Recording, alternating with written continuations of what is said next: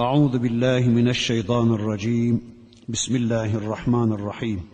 الحمد لله رب العالمين والصلاة وأتم التسليم على سيدنا محمد المبعوث رحمة للعالمين. اللهم لا سهل إلا ما جعلته سهلا وأنت تجعل الحزن إذا شئت سهلا.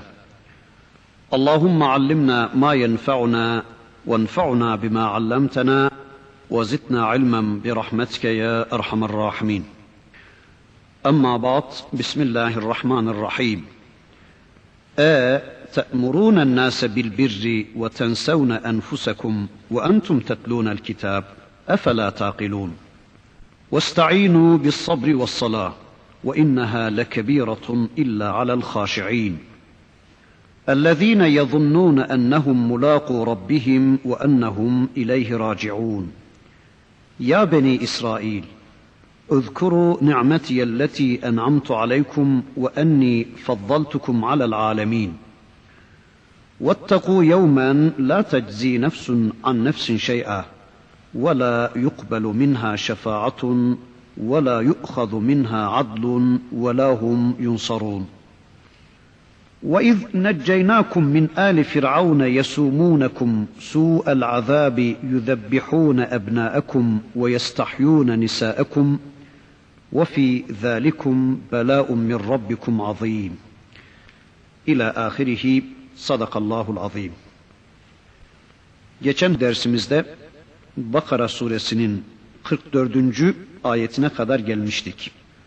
Bu bölümde yine Yahudilere ama bizim kitabımızda geldiği için onlardan çok bize seslenen bir ayette Rabbimiz bakın şöyle diyordu. E te'murûnen nâse bil birri ve tensevne enfusekum. Söyleyin bakalım ey Yahudiler. Söyleyin ey İsrailoğulları. İnsanlara birri emredersiniz de ondan sonra kendinizi unutursunuz öyle mi?'' Ve entum tetlûnel kitap bir de üstelik kitabı da okuyorsunuz. Kitaptan da haberdarsınız. Bir ne Bakara suresinin 177. ayetinde gelecek.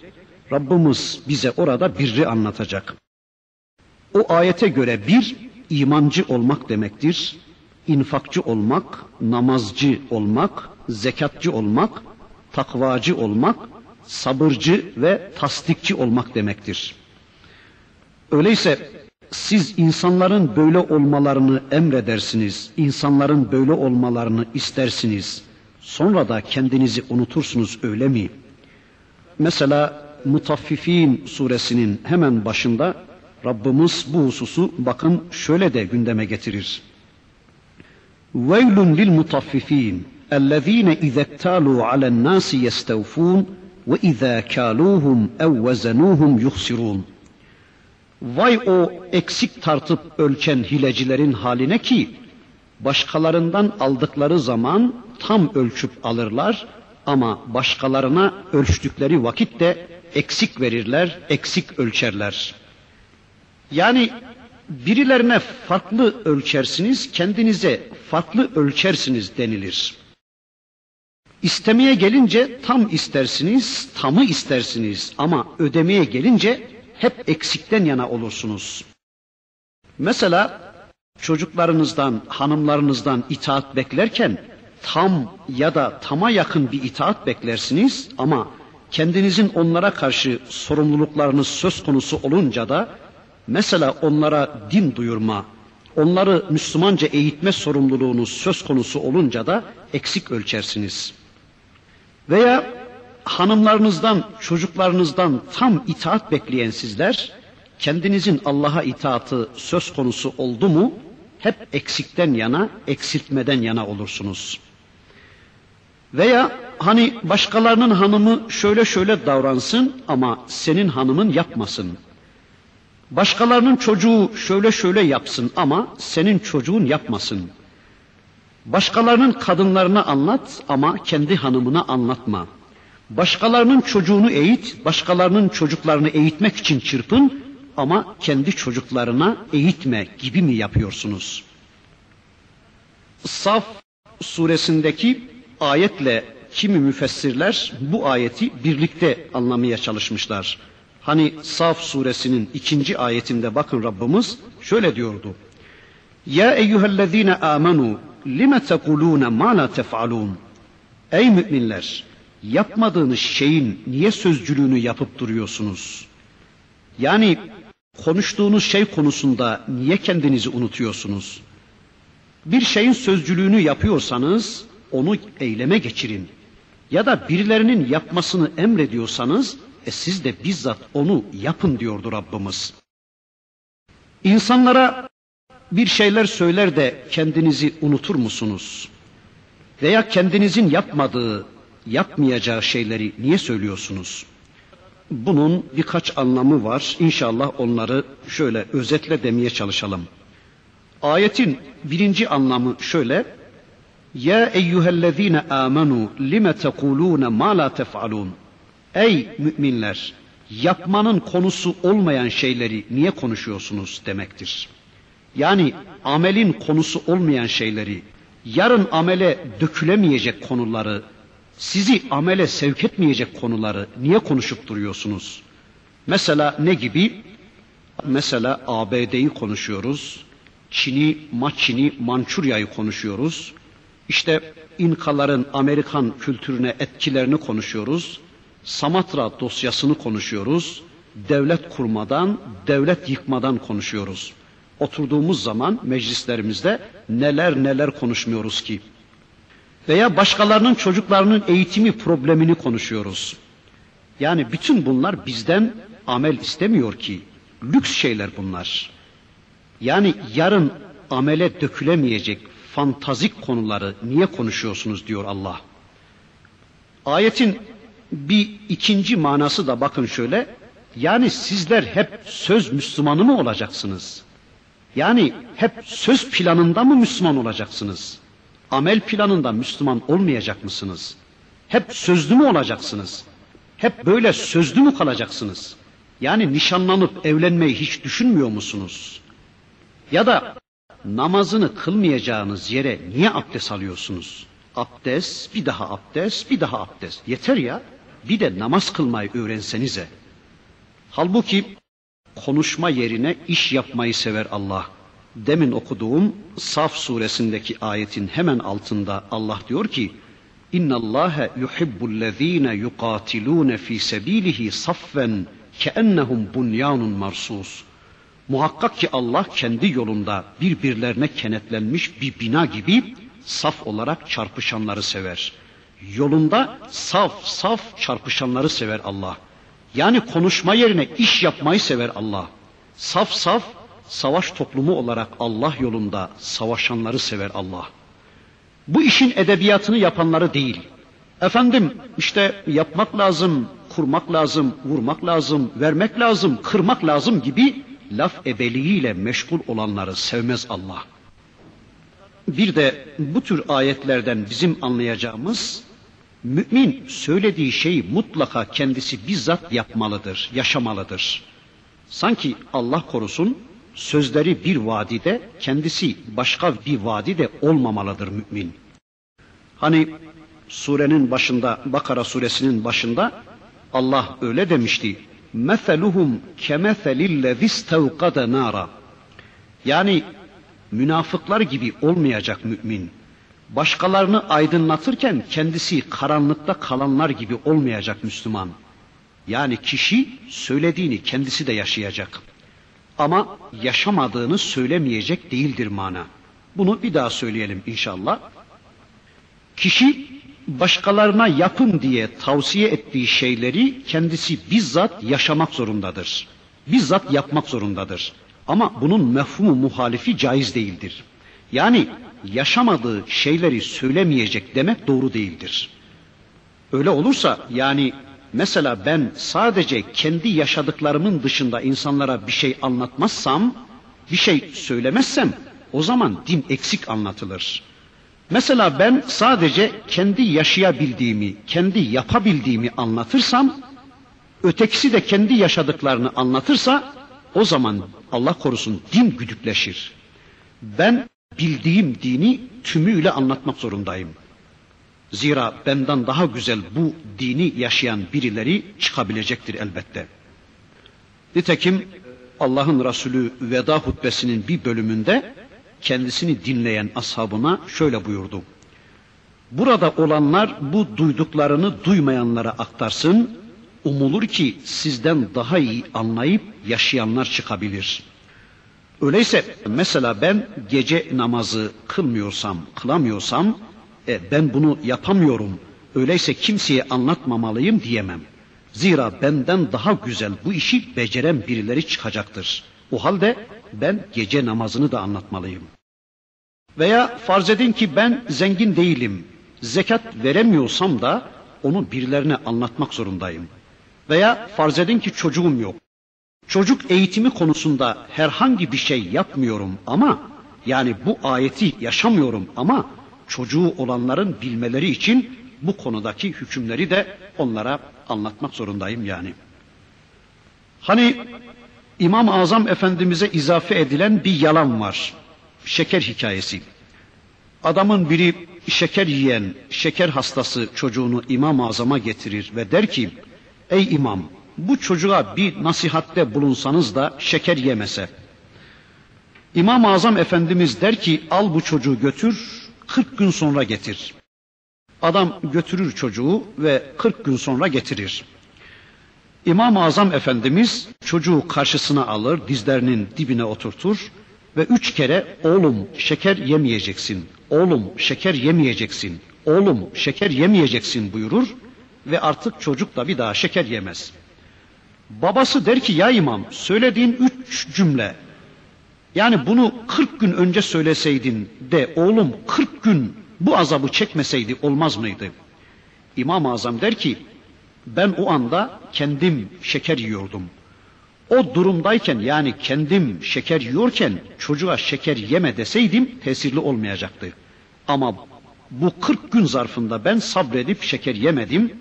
Kendimde tatbik ettiğim için, kendim yaşadığım için tesirli oldu der. Hikaye tabi. O zaman şunu sormamız gerekecek.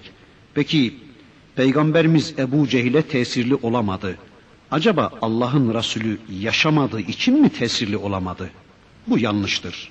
Çünkü tesir bizden değil, tesir Allah'tandır. Bir de birilerine şekeri yasaklamak için illa da biz şeker yemeyeceğiz diye bir şey yoktur. Mesela şu anda benim anamda tansiyon var ve ben onun önünden tuzu çekiyorum ama bana yasak olmadığı için ben kendim yiyorum tuzu. Yani tuzu anama yasaklayabilmek için illa da kendime haram kılmam gerekmiyor. Evet. اَتَأْمُرُونَ النَّاسَ بِالْبِرِّ وَتَنْسَوْنَ أَنْفُسَكُمْ وَأَنْتُمْ تَتْلُونَ الْكِتَابِ اَفَلَا تَعْقِلُونَ İyiliği, birri, hayrı, İslam'ı, imanı insanlara emredersiniz de kendinizi unutur musunuz? İnsanları imana davet ettiği halde kendi dünyasında kendince bir hayat süren insanlara yani pratikteki hayatlarıyla teorideki hayatları farklı olan Müslümanlara deniyordu bu. Üstelik sizler kitabı da biliyorsunuz. Gerçi İslam toplumunda bir grubun alim, diğer bir grubun da bu alimlere tabi olan bir grup olması gibi böyle mutlak manada bir ayrım söz konusu değildir. Her Müslüman kendi çapında alim olmak zorundadır. Yani kendilerinden daha çok alim olanlardan bilgi, kendilerinden daha az alim olanlardan da yine bilgi alışverişi kurmak zorundadır Müslümanlar. Yani her bilen bildiği kadarının alimidir. Bundan dolayıdır ki her bilenin kendi bildikleri kadarını birilerine ulaştırabilme sıkıntısını yaşaması gerekmektedir. İşte bu ayet müminlerin bu sıkıntılarına çözüm getirir. Yani siz insanlara iyiliği emreder de kendinizi ihmal mi edersiniz? Üstelik siz biliyorsunuz da bunu. Aklınızı kullanmıyor musunuz buyrulur. Sonra der ki bakın Rabbimiz وَاسْتَعِينُوا بِالصَّبْرِ وَالصَّلَاةِ وَاِنَّهَا لَكَب۪يرَةٌ اِلَّا عَلَى الْخَاشِعِينَ Bir de sabır ve namazla Allah'tan yardım isteyin. Ve inneha lekebiratun illa alel haşiin. Gerçi bu nefislere ağır gelirse de illa alel haşiin haşiin olanlara ağır gelmez. Haşiin olanlar müstesnadır. Onun için yardıma ihtiyacın olacak. Yardıma muhtaç olacaksın. Yani bunu başkalarına deme ve bunu kendin yapma konusunda yardıma muhtaç olacaksın. Bu durumda da işte biri sabırla, diğeri de namazla Allah'tan yardım iste. Allah'ın yardım kapılarının anahtarı sabır ve namazdır. Bazen nefsin egemenliği, bazen dışındaki ve içindeki şeytanlar, bazen mal mülk derdi insanı baş aşağı getirecek noktaya gelebilir. Bazen bir şeylerden dolayı güçsüz düşebiliriz. İşte o zaman da sabır ve namazla Allah'tan yardım istemek zorundayız. Sabır direnç demektir veya sabır dayanmak demektir. Süreklilik veya devamlılık demektir. Kafirlerin de hareketlerinde bir sabır veya Müslümanların da hareketlerinde bir sabır söz konusudur. Mesela bakın kafirler peygamberimiz karşısında dayanabilmek için birbirlerine yürüyün dediler. Aman bu peygamber karşısında pes etmeyin. Dayanın, direnin, dişinizi sıkın ve sabredin dediler. Bakın daha önce bir dersimizde okuduğumu zannediyorum. Saat suresinde Rabbimiz bu hususu şöyle anlatır. Kafirler birbirlerine dediler ki enim şu vasbiru ala alihetikum inne haza le şey'un yurat. İlahlarına ilahlarınıza sarılarak yürüyün. Dayanın, direnin, sabredin. İnne haza le şey'un yurat. Zaten sizden istenen de budur diyorlardı. Yani eğer siz ilahlarınıza sabreder, ilahlarınıza sıkı sıkıya tutunursanız vallahi bu peygamberin size yapabileceği bir şey yoktur diyorlardı. Ve gerçekten de ben dedemi şu putun önünde secde ederken buldum. Ey Muhammed sen ne yaparsan yap beni dedemin yolundan çeviremezsin. Beni atamın yolundan çeviremezsin diyerek putuna sabredip sıkı tutunan Ebu Cehil'e Allah'ın Resulü hiçbir şey yapamıyordu. Bugün de aman ilahlarınıza sahip çıkın. Niyetleri de galiba budur. Hocalarının yolunu takip ediyor adamlar. Burada şunu söyleyelim. Onların ilahlarına sarılıp sabrettikleri kadar keşke bugün Müslümanlar da kendi ilahlarına, kendi ilahlarının kitabına sarılmayı bir becerebilselerdi, eminim tüm dünya düşman olsa bile kimsenin yapabileceği bir şey kalmayacaktı. Bakın diyorlar ki inne haza le şey'un yurat. Zaten sizden istenen de budur diyorlardı.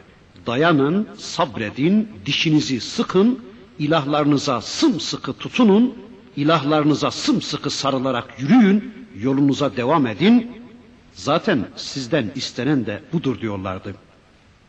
Sabırlı olmak demek bıkmamak demektir. Sabırlı olmak demek usanmamak demektir. On yıldır namaz kılıyorum, yeter artık dememektir sabır. On yıldır içki içmiyorum, yeter artık bu kadar dememek sabırdır. Yani ibadetten bıkmamaya, günahtan kaçınmaya devam etmek sabırdır. Allah'ın nasıl isterse bizi öylece imtihan edeceğine, ettiğine, gönderilen sorular istikametinde Allah'a kulluk etme şuurunun devamına da sabır diyoruz. Bazen yangınla, bazen hastalıkla, işte bazen zenginlik, bazen fakirlikle nasıl isterse öylece imtihan edeceğine iman etmek sabırdır. Bazen Müslümanların zafiyetleriyle, bazen kafirlerin gücüyle, bazen zaferle, bazen yenilgiyle, bazen Bedir'le, bazen Uhud'la imtihan eder Allah. Biz de o konuda sabredeceğiz. Yani o konuda nasıl kulluk etmemizi istiyorsa Rabbimiz öylece kulluk edeceğiz. Sabır insanın vücutundaki baş mesabesindedir. Başı olmayan bir bedenden nasıl ki hayır beklenmezse sabrın kontrolünde olmayan bir imanda da bilelim ki hayır yoktur. Sabır çok önemlidir İslam'da.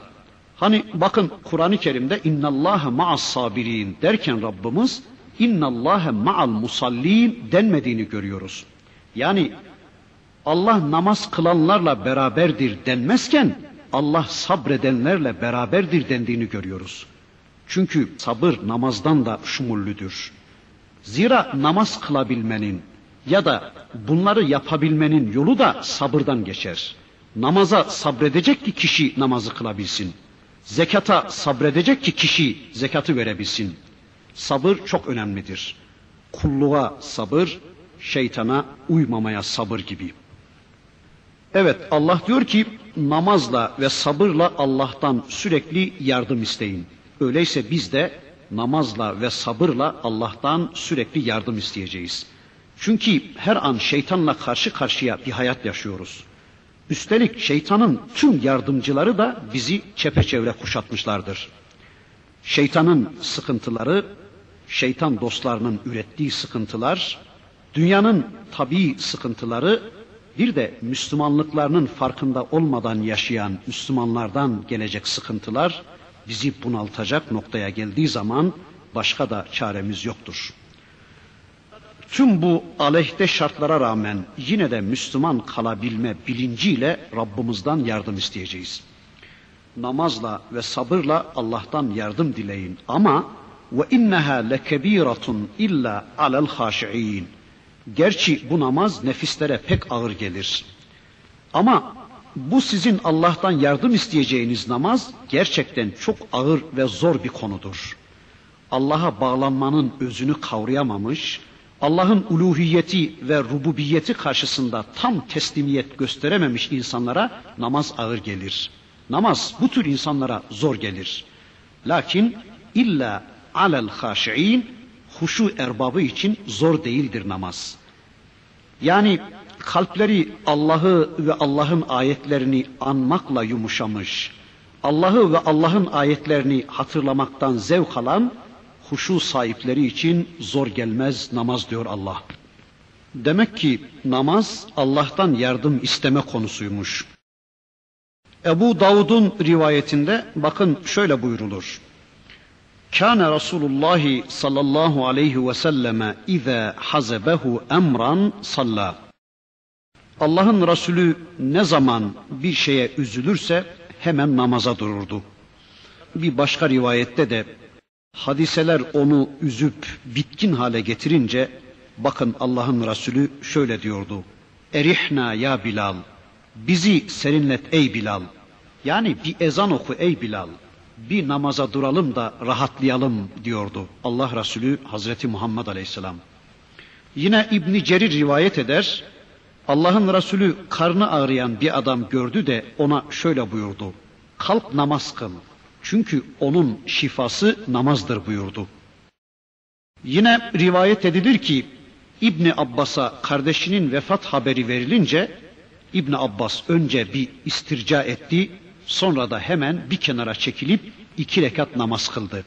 Yani böyle bir durumda İbni Abbas Allah'tan yardım dilemeyi ihmal etmedi. Namazla Allah'tan yardım dilemek.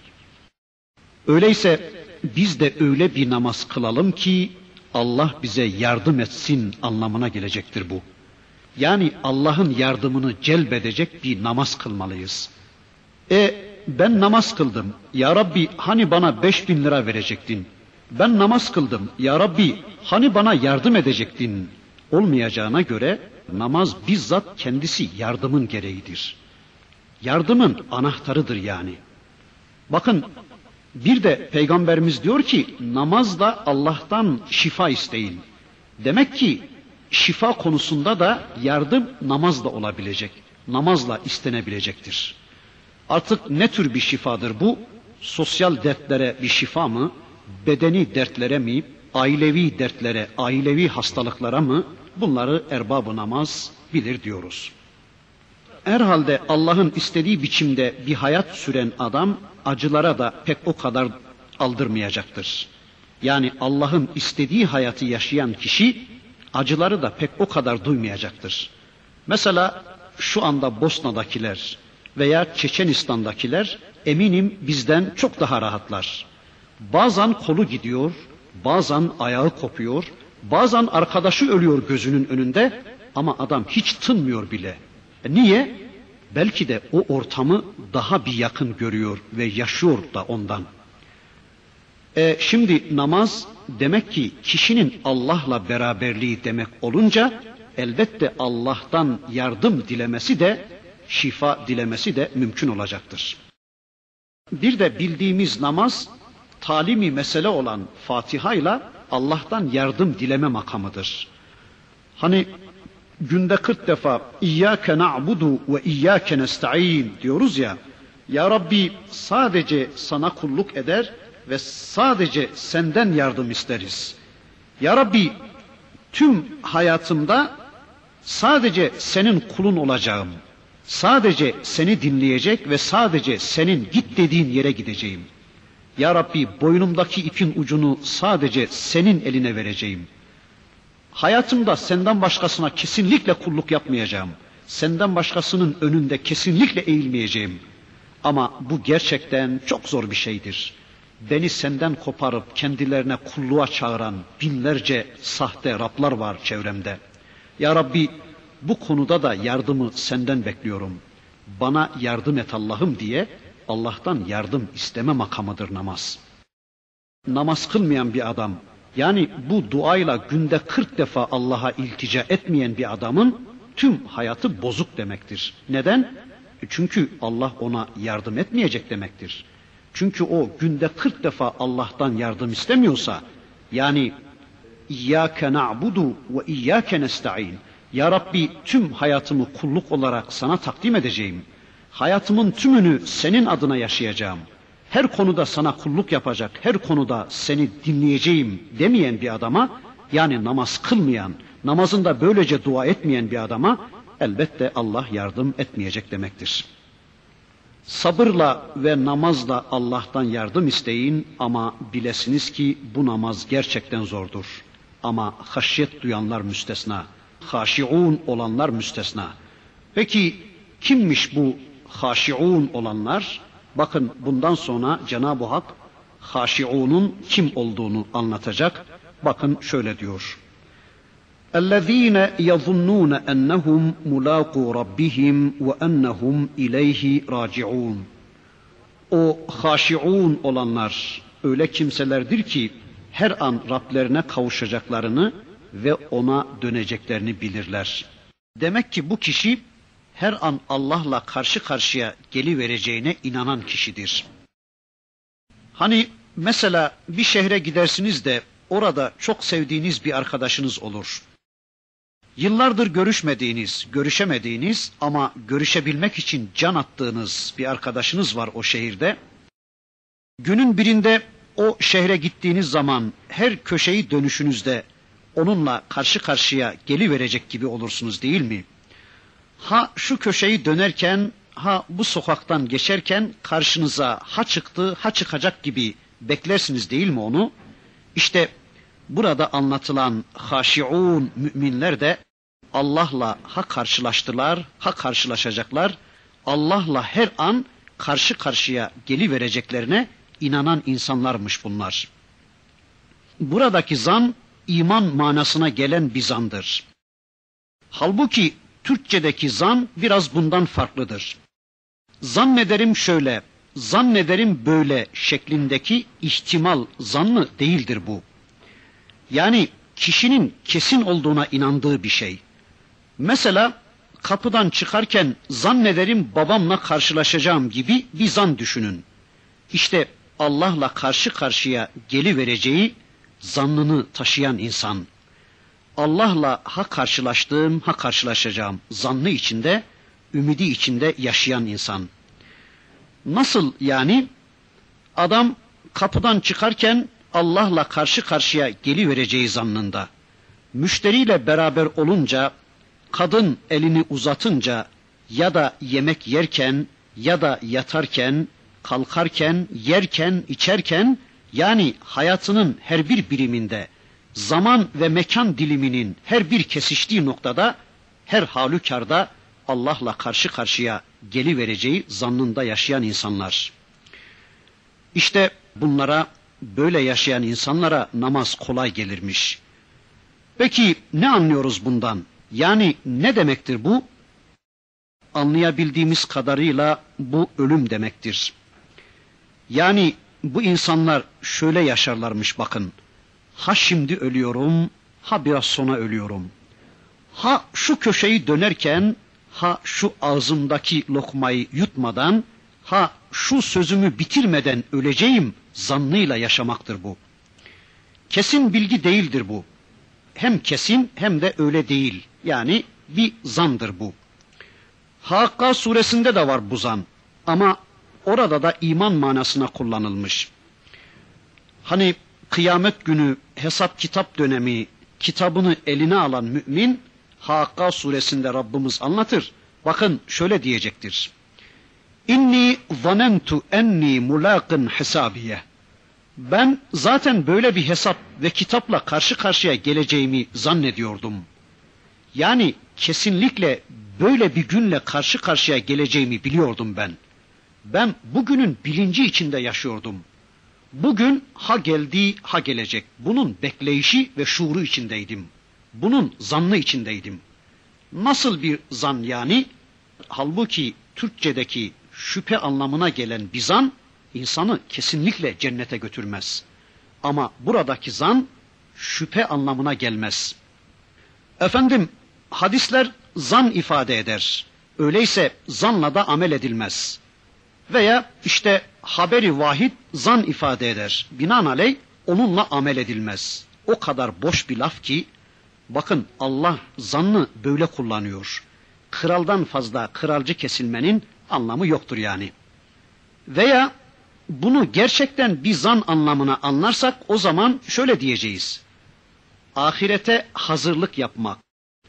Ahiret konusunda dikkatli davranmak için sadece bir zan bile yeterlidir. Zira bakıyoruz bugün insanlar bir zan ile de olsa gelebilecek ciddi bir zararı önleyebilmek için, zanla bile olsa gelebilecek bir tehlikenin önüne geçebilmek için nasıl harekete geçiyorlar? Nasıl tedbirler almaya çalışıyorlar değil mi? Halbuki kesin bir bilgisi yok adamın. Sadece bir tehlikenin yaklaştığını zannediyor o kadar. İşte ahiret konusunda da hazırlık yapıp bu konuda tedbirler almanız için bir zan bile yeterlidir deniliyor. Bundan sonra yine İsrailoğullarına hitap ederek bakın Rabbimiz şöyle buyuruyor. Ya Beni İsrail anladınız mı ey Beni İsrail ey Yakup çocukları ey Yakup'un çocuğu olma şerefine erenler anladınız mı? Öyleyse اذكروا نعمتي التي أنعمت عليكم وأني فضلتكم على العالمين Sizin üzerinizdeki nimetlerimi hatırlayın ki sizi alemler üzerine tafdıl etmiştik. Sizi alemler üzerine üstün kılmıştık. Yani bütün alemlerden daha faziletli kılmıştık sizi. Peki nasıl olmuştu bu?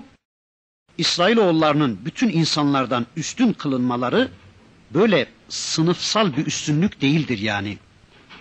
Kişisel bir değer kazanmaları anlamına değildir bunun manası. Bu üstünlük onların nimetler yönünden üstün kılınmalarıydı. Allah onları nimetlere boğmuştu. Ama biz şunu kesin biliyoruz ki nimet nimet verilenler açısından bir üstünlük değildir.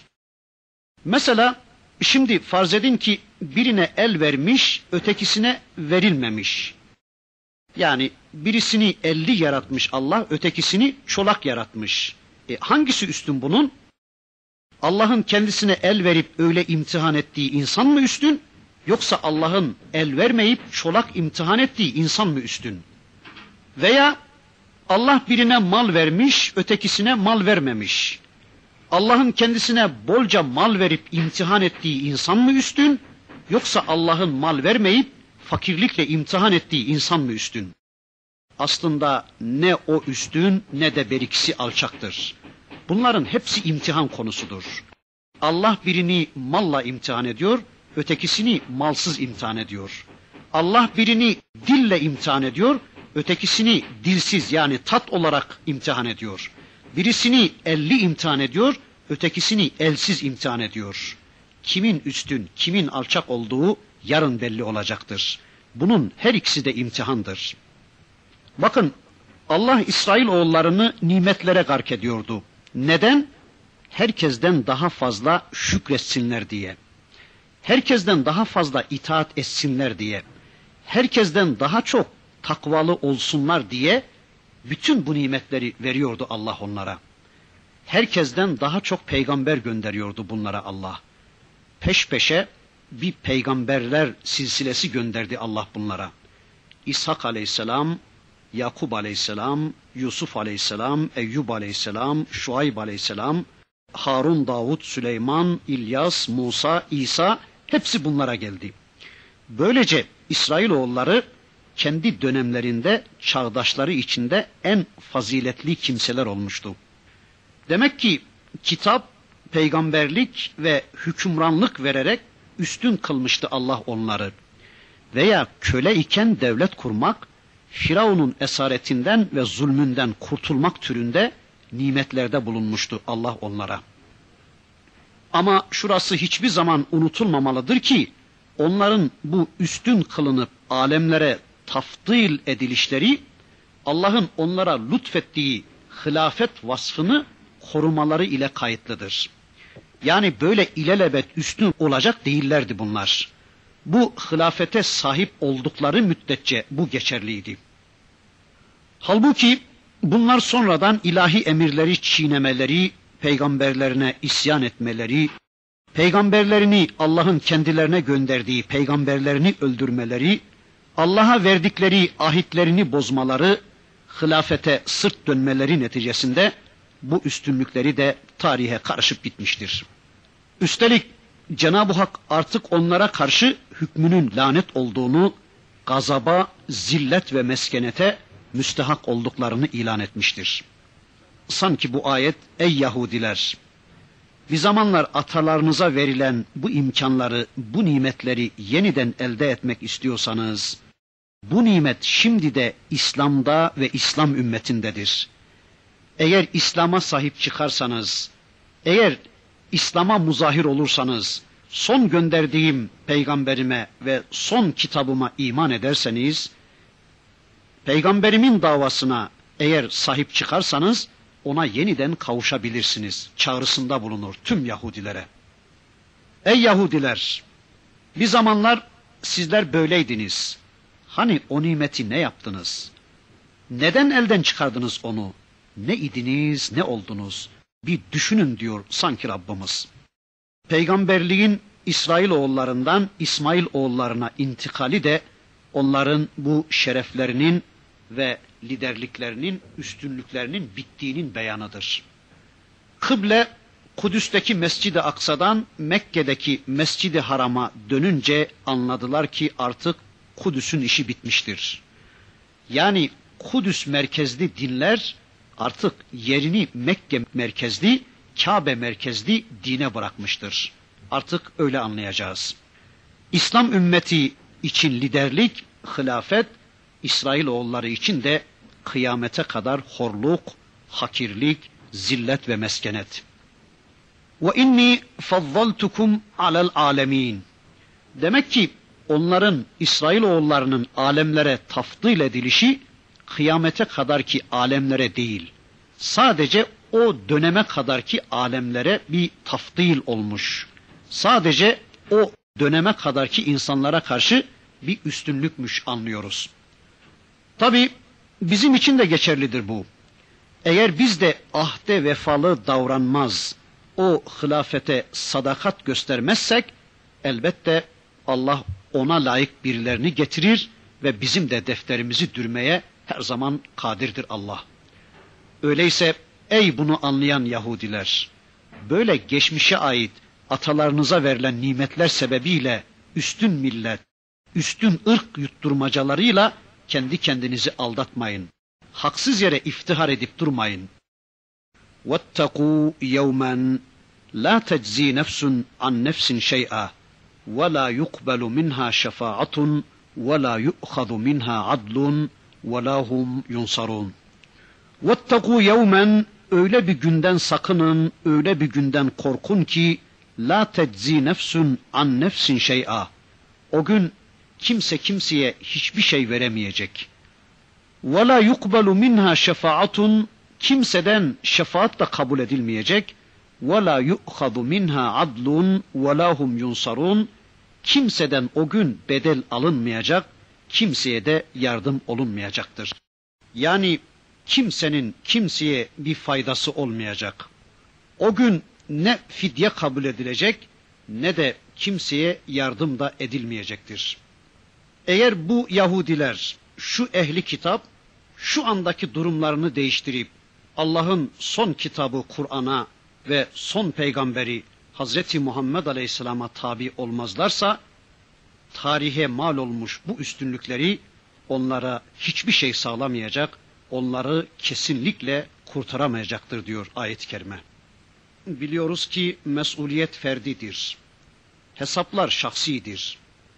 O gün hiç kimse kimseyi kurtaramayacaktır. Esasen bu ayet İsrailoğullarının bozulmalarına sebep olan onların ahiret hakkındaki yanlış inanışlarını, bozuk itikatlarını anlatır. Onlar üstün ırka mensup oldukları için, büyük peygamberlerin torunları oldukları için ebedi kurtuluşa erdiklerini zannediyordular. İşte bu cesaret onları sorumluluk duygusundan uzaklaştırmış, Allah'ın emirlerine karşı duyarsız ve saygısız hale getirmiştir. Yani günahlara karşı onları daha da cesur hale getirmiştir. Burada anlatıyor Rabbimiz, Kur'an'ın başka yerlerinde de bu konuyu çok güzel açıklamış Rabbimiz. Mesela bakın Fatır suresinde daha önce ayeti kerimeyi okudum. Rabbimiz buyurur ki: "Ve teziru vaziratun vizra uhra." Hiç kimse diğerinin yükünü yüklenemez. Kimse kimsenin yükünü sırtına alamaz Kimse kimsenin vebalini yüklenemez.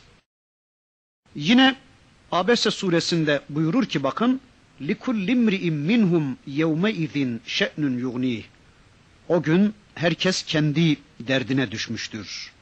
Herkes kendi başının derdine düşmüştür. Yine başka bir ayeti kerimesinde Rabbimiz وَخْشَوْ يَوْمًا لَا يَجْزِي وَالِدٌ عَنْ وَلَدِهِ وَلَا مَوْلُودٍ هُوَ جَازٍ an validihi şey'a. Babanın oğluna, oğlun da babaya hiçbir şey ödeyemeyeceği günden çok korkun. Hiçbir akrabanın yakınlığı, hiçbir makam sahibinin makamı onları kurtaramayacağı o günden çok korkun diyor Rabbimiz. Ne zorla, zorbayla ne de kolaylıkla hiç kimse kimsenin başına gelecek olanları defedemez. Zorla defedemez çünkü yardım yoktur o gün. Kolaylıkla da defedemez çünkü şefaat da yok o gün. Yani ne karşılığını aynen vermek suretiyle bir kurtuluş var çünkü verecek karşılık yok ne de başka bir şeyle ödemek mümkün. Çünkü fidye de yoktur o gün. Bundan sonra bakın yine Yahudileri İslam'a girmeleri konusunda tekrar tekrar tahrik eden nimetlerin sayılmasına devam ediliyor. Bakın Rabbimiz bu uyarıdan sonra hatırlayın nimetlerimi diye nimetlerin sayımına geçecek. Ve iz ve iz ve iz diye nimetler sayılmaya başlanacak. İşte bakın Bakara suresinin 49. ayetinde o nimetlerden bir tanesini Rabbimiz şöyle gündeme getiriyor. İz necceynakum min ali firavune. Ey İsrailoğulları hatırlayın ki sizi Firavun hanedanından kurtarmıştık. Sizi Firavun sisteminden kurtarmıştık. İsrailoğulları Firavun sisteminin egemenliğinde bir hayat yaşarlarken Firavun oğulları Firavun sistemi bu mustazaflar takımının, bu köle takımının günün birinde güçlenip de kendilerinden hesap sorabilecek bir noktaya gelmelerinden korktuklarından dolayı onların doğan erkek çocuklarını öldürüyorlardı. Ama onlardan doğan bütün erkekleri öldürünce de bu defa işlerinde çalıştıracak insan kalmayınca da bazen bir yıl öldürüyorlarsa bir yılda canlı bırakıyorlardı. Canlı bıraktıklarını da sağ bıraktıklarını da köleleştiriyorlardı. Onları en ağır işlerde çalışmaya mecbur bırakıyorlardı. İşte ehram yapımı, inşaat işleri, tarla tapan işlerinde, hizmetçilik işlerinde çalıştırıyorlardı. Varlıklarının tek sebebi işte buydu. Erkeklerinin kimileri öldürülüp kimileri de böyle ezilmeye mahkum edilince de bu İsrail oğullarının kadınları Firavun oğullarının elinde oyuncak durumuna düşüyordu. Acaba niye yapıyorlardı bunu? İsrail oğullarının arasında uzun zamandan beri ta İbrahim Aleyhisselam'dan bu yana bir söz dolaşıyordu. İşte İsrail oğullarının içinden bir Musa çıkacak. Bu Musa onları kölelikten kurtaracak. Firavun'un mülkünü, saltanatını yerle bir edecek. Zulüm üzerine bina edilen o sistemin defterini dürecek. İşte İsrailoğullarının arasında yaygın olan bu söz, zalim firavunların uykusunu kaçırıyor, akıllarını başlarından alıyor, ötlerini koparıyordu. Bunun gerçekleşmemesi, yani Musa'nın gelmemesi için, sistemlerinin yıkılmaması için tedbir alıyorlardı. Bunun için de İsrailoğullarından doğan bütün erkek çocuklarını öldürüyorlardı. İşte bunlardan birisi mutlaka Musa'dır diye bir Musa gelmesin diye binlerce Musa can veriyordu. Burada sosyolojik bir tahlille diyoruz ki tüm egemen güçler, yeryüzündeki tüm hakim güçler, tüm müstekbirler, tüm sömürgeci ve zalim güçler, yani dünya üzerinde küfrü, şirki ayakta tutmaya devam eden tüm tağuti güçler bir gün ezdikleri, sömürdükleri, kanını emdikleri toplulukların bir gün akıllarını başlarına alıp tüm kelepçeleri ve prangaları çözüp kendilerinden hesap sormak üzere karşılarına dikileceklerinden korkarak hafakanlı geceler, korkulu rüyalarla bir ömür sürerler. Ha uyandılar, ha uyanacaklar. Zincirleri ha kırdılar, ha kıracaklar. Silahlarına ha davrandılar, ha davranacaklar diye ötleri kopmaktadır. Zira kesin bilirler ki bu köleler bir gün uyanacak ve kendileri için hayat hakkı kalmayacaktır. Bir gün tüm bu zulümlerinin hesabını vermekle karşı karşıya geleceklerdir. İşte bu sosyolojik kuralı bildikleri için aman bu İsrail oğulları bize kafa tutacak sayısal güce ulaşmasınlar, bu nüfuza ulaşmasınlar diye onların doğan erkek çocuklarını öldürüyorlardı. Ama bunu yaparken de şunu unutuyorlardı zalim Firavun oğulları. Bu yasa Allah'ın yasasıydı. Yasayı koyan Allah'tı. Onların bu akıllara durgunluk veren tedbirleri takdiri bozamayacaktı. Zulüm ilelebet yaşamayacaktı ve daima mazlumlar, ezilenler, zulme uğrayanlar bir gün Allah'ın yardımıyla zalimlerin hakkından geleceklerdi. Ve nitekim bakın Musa gelmesin diye binlerce Musa'nın kanına giren Firavun bir gün Musa'yı kendi kucağında, kendi sarayında buluverecekti. Ve Allah'ın yardımıyla Firavun'un zulmünden kurtulan, Firavun'un ölümünden kurtulan bu Musa kendisinin gelmemesi adına öldürülmüş binlerce Musaların kanları kendi vücudunda timsalleşmiş olarak bir gün Firavun'un karşısına çıkıp hesap soracaktı. Ve sonunda yeryüzünün en güçlü devleti yerle bir olacaktı. Çünkü Allah desteğindeki bir mümin karşısında duran tüm dünya bile olsa ne ifade edebilirdi ki? İşte bu ayeti kerimelerde bunu hatırlatır Rabbimiz. Mekke'nin bir avuç garibanlarına.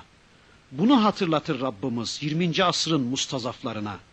Ey Müslümanlar! En kötü şartlar altında bile olsanız üzülmeyin. İşte bu Allah sizinle beraberdir. Siz ona layık kullar olduktan sonra korkmayın. Allah size yardım edecektir müjdesini veriyordu.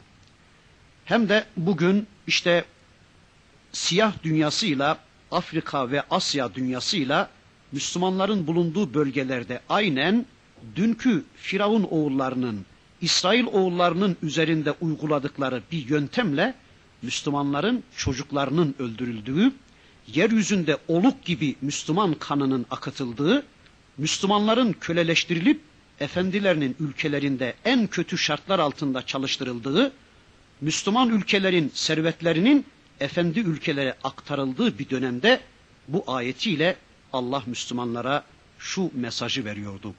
Ey Müslümanlar üzülmeyin. Bakın İsrail oğulları içinden çıkan bir Musa tek başına Allah'ın yardımıyla Firavunlar sistemini yerle bir edip toplumunu kölelikten kurtarmışsa sizin içinizden çıkacak bir kurtarıcı da size izzet ve şerefinizi yeniden iade edecektir. Bu konuda hiç mi hiç endişeniz olmasın. Çünkü mülkün sahibi sadece Allah'tır. O onu kime vereceğini çok iyi bilmektedir. El verir ki Rabbinizi Rab olarak tanıyın. Rabbinizin kitabını yegane çözüm bilip ona yönelin. Rabbinizin sizin adınıza aldığı kulluk maddelerine yönelin diyordu Rabbimiz. İşte aynı zamanda bugünün Yahudilerine de şunu diyordu ayeti kerime. Ey Yahudiler! Hatırlasanıza bir zamanlar Rabbiniz size ne büyük lütuflarda bulundu. Sizi size zulmeden Firavun'un elinden kurtardı. Bunu size lütfeden Allah bugün de haydır. Bugün de hayattadır. Ve işte şimdi de son elçisiyle size sesleniyor. Gelin küfrü ve inadı bırakın. O gün Musa'yı sizin imdadınıza gönderen Allah, bugün de son elçisi Hazreti Muhammed Aleyhisselam'ı göndermiştir. Bugün dünkü Musa yerinde olan, Musa konumunda olan Muhammed Aleyhisselam'a Firavun oğullarının tavrını takınmayın. Muhammed Aleyhisselam'a karşı Firavun rolünü oynamaktan vazgeçin. Bir yanlışlık içindesiniz. Sanki dün Mısır'da sizi öldürenler İsmail oğullarıymış gibi şimdi Müslümanlardan intikam almaya çalışıyorsunuz. Habire Müslüman kanı dökmeye, Müslüman kemiği kırmaya çalışıyorsunuz. Hayrola, dünkü Firavunların torunu mu zannediyorsunuz yoksa bu Müslümanları? Halbuki o günkü o günkü Firavunların torunları bugünkü müşrik batılıdır. Eğer bir intikam alacaksanız neden kafirlerle hesaplaşmıyorsunuz da Müslüman kanı döküyorsunuz? Neden Avrupa ile bir hesaplaşmanın içine girmiyorsunuz da İsmail oğullarıyla hesaplaşmanın içine giriyorsunuz diyordu Rabbimiz. Tüm yeryüzü kafirlerine de diyor ki bu ayetiyle Rabbimiz ey tüm yeryüzü kafirleri Musalar gelmesin diye istediğiniz kadar tedbirler alın. Aman bu tesettürlü kızları okullarımıza sokmayalım. Aman bu imam hatipleri üniversite imtihanlarına almayalım. Aman okullarımızın kapılarını sıkı kontrol edelim diye istediğiniz kadar tedbirler alın. Sizin bu tedbirleriniz asla Allah'ın takdirini değiştiremeyecektir.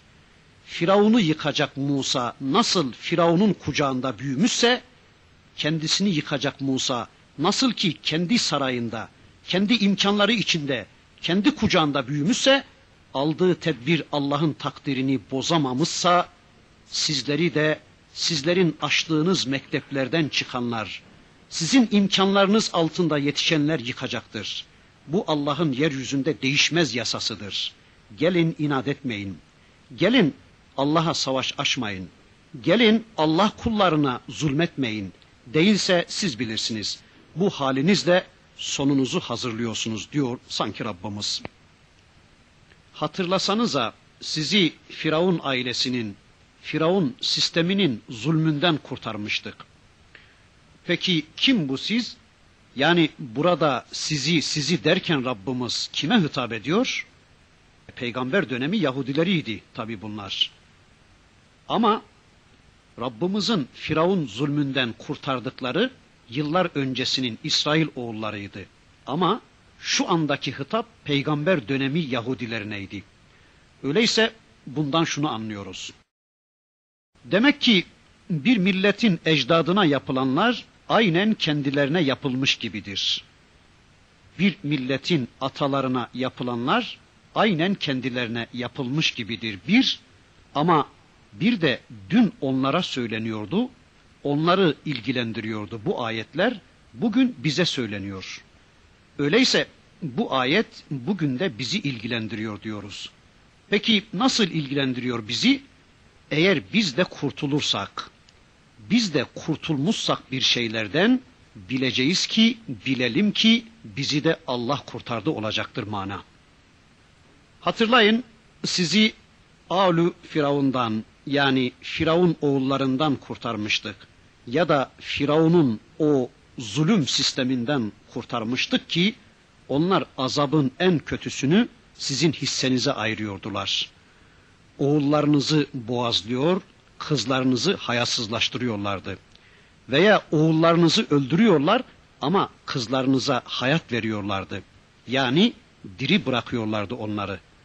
Bunun birkaç anlamı var ama zamanımız doldu. İnşallah gelecek dersimizde kaldığımız buradan Rabbimizin meramını, mesajını hep beraber tanımaya çalışırız. Velhamdülillahi Rabbil Alemin.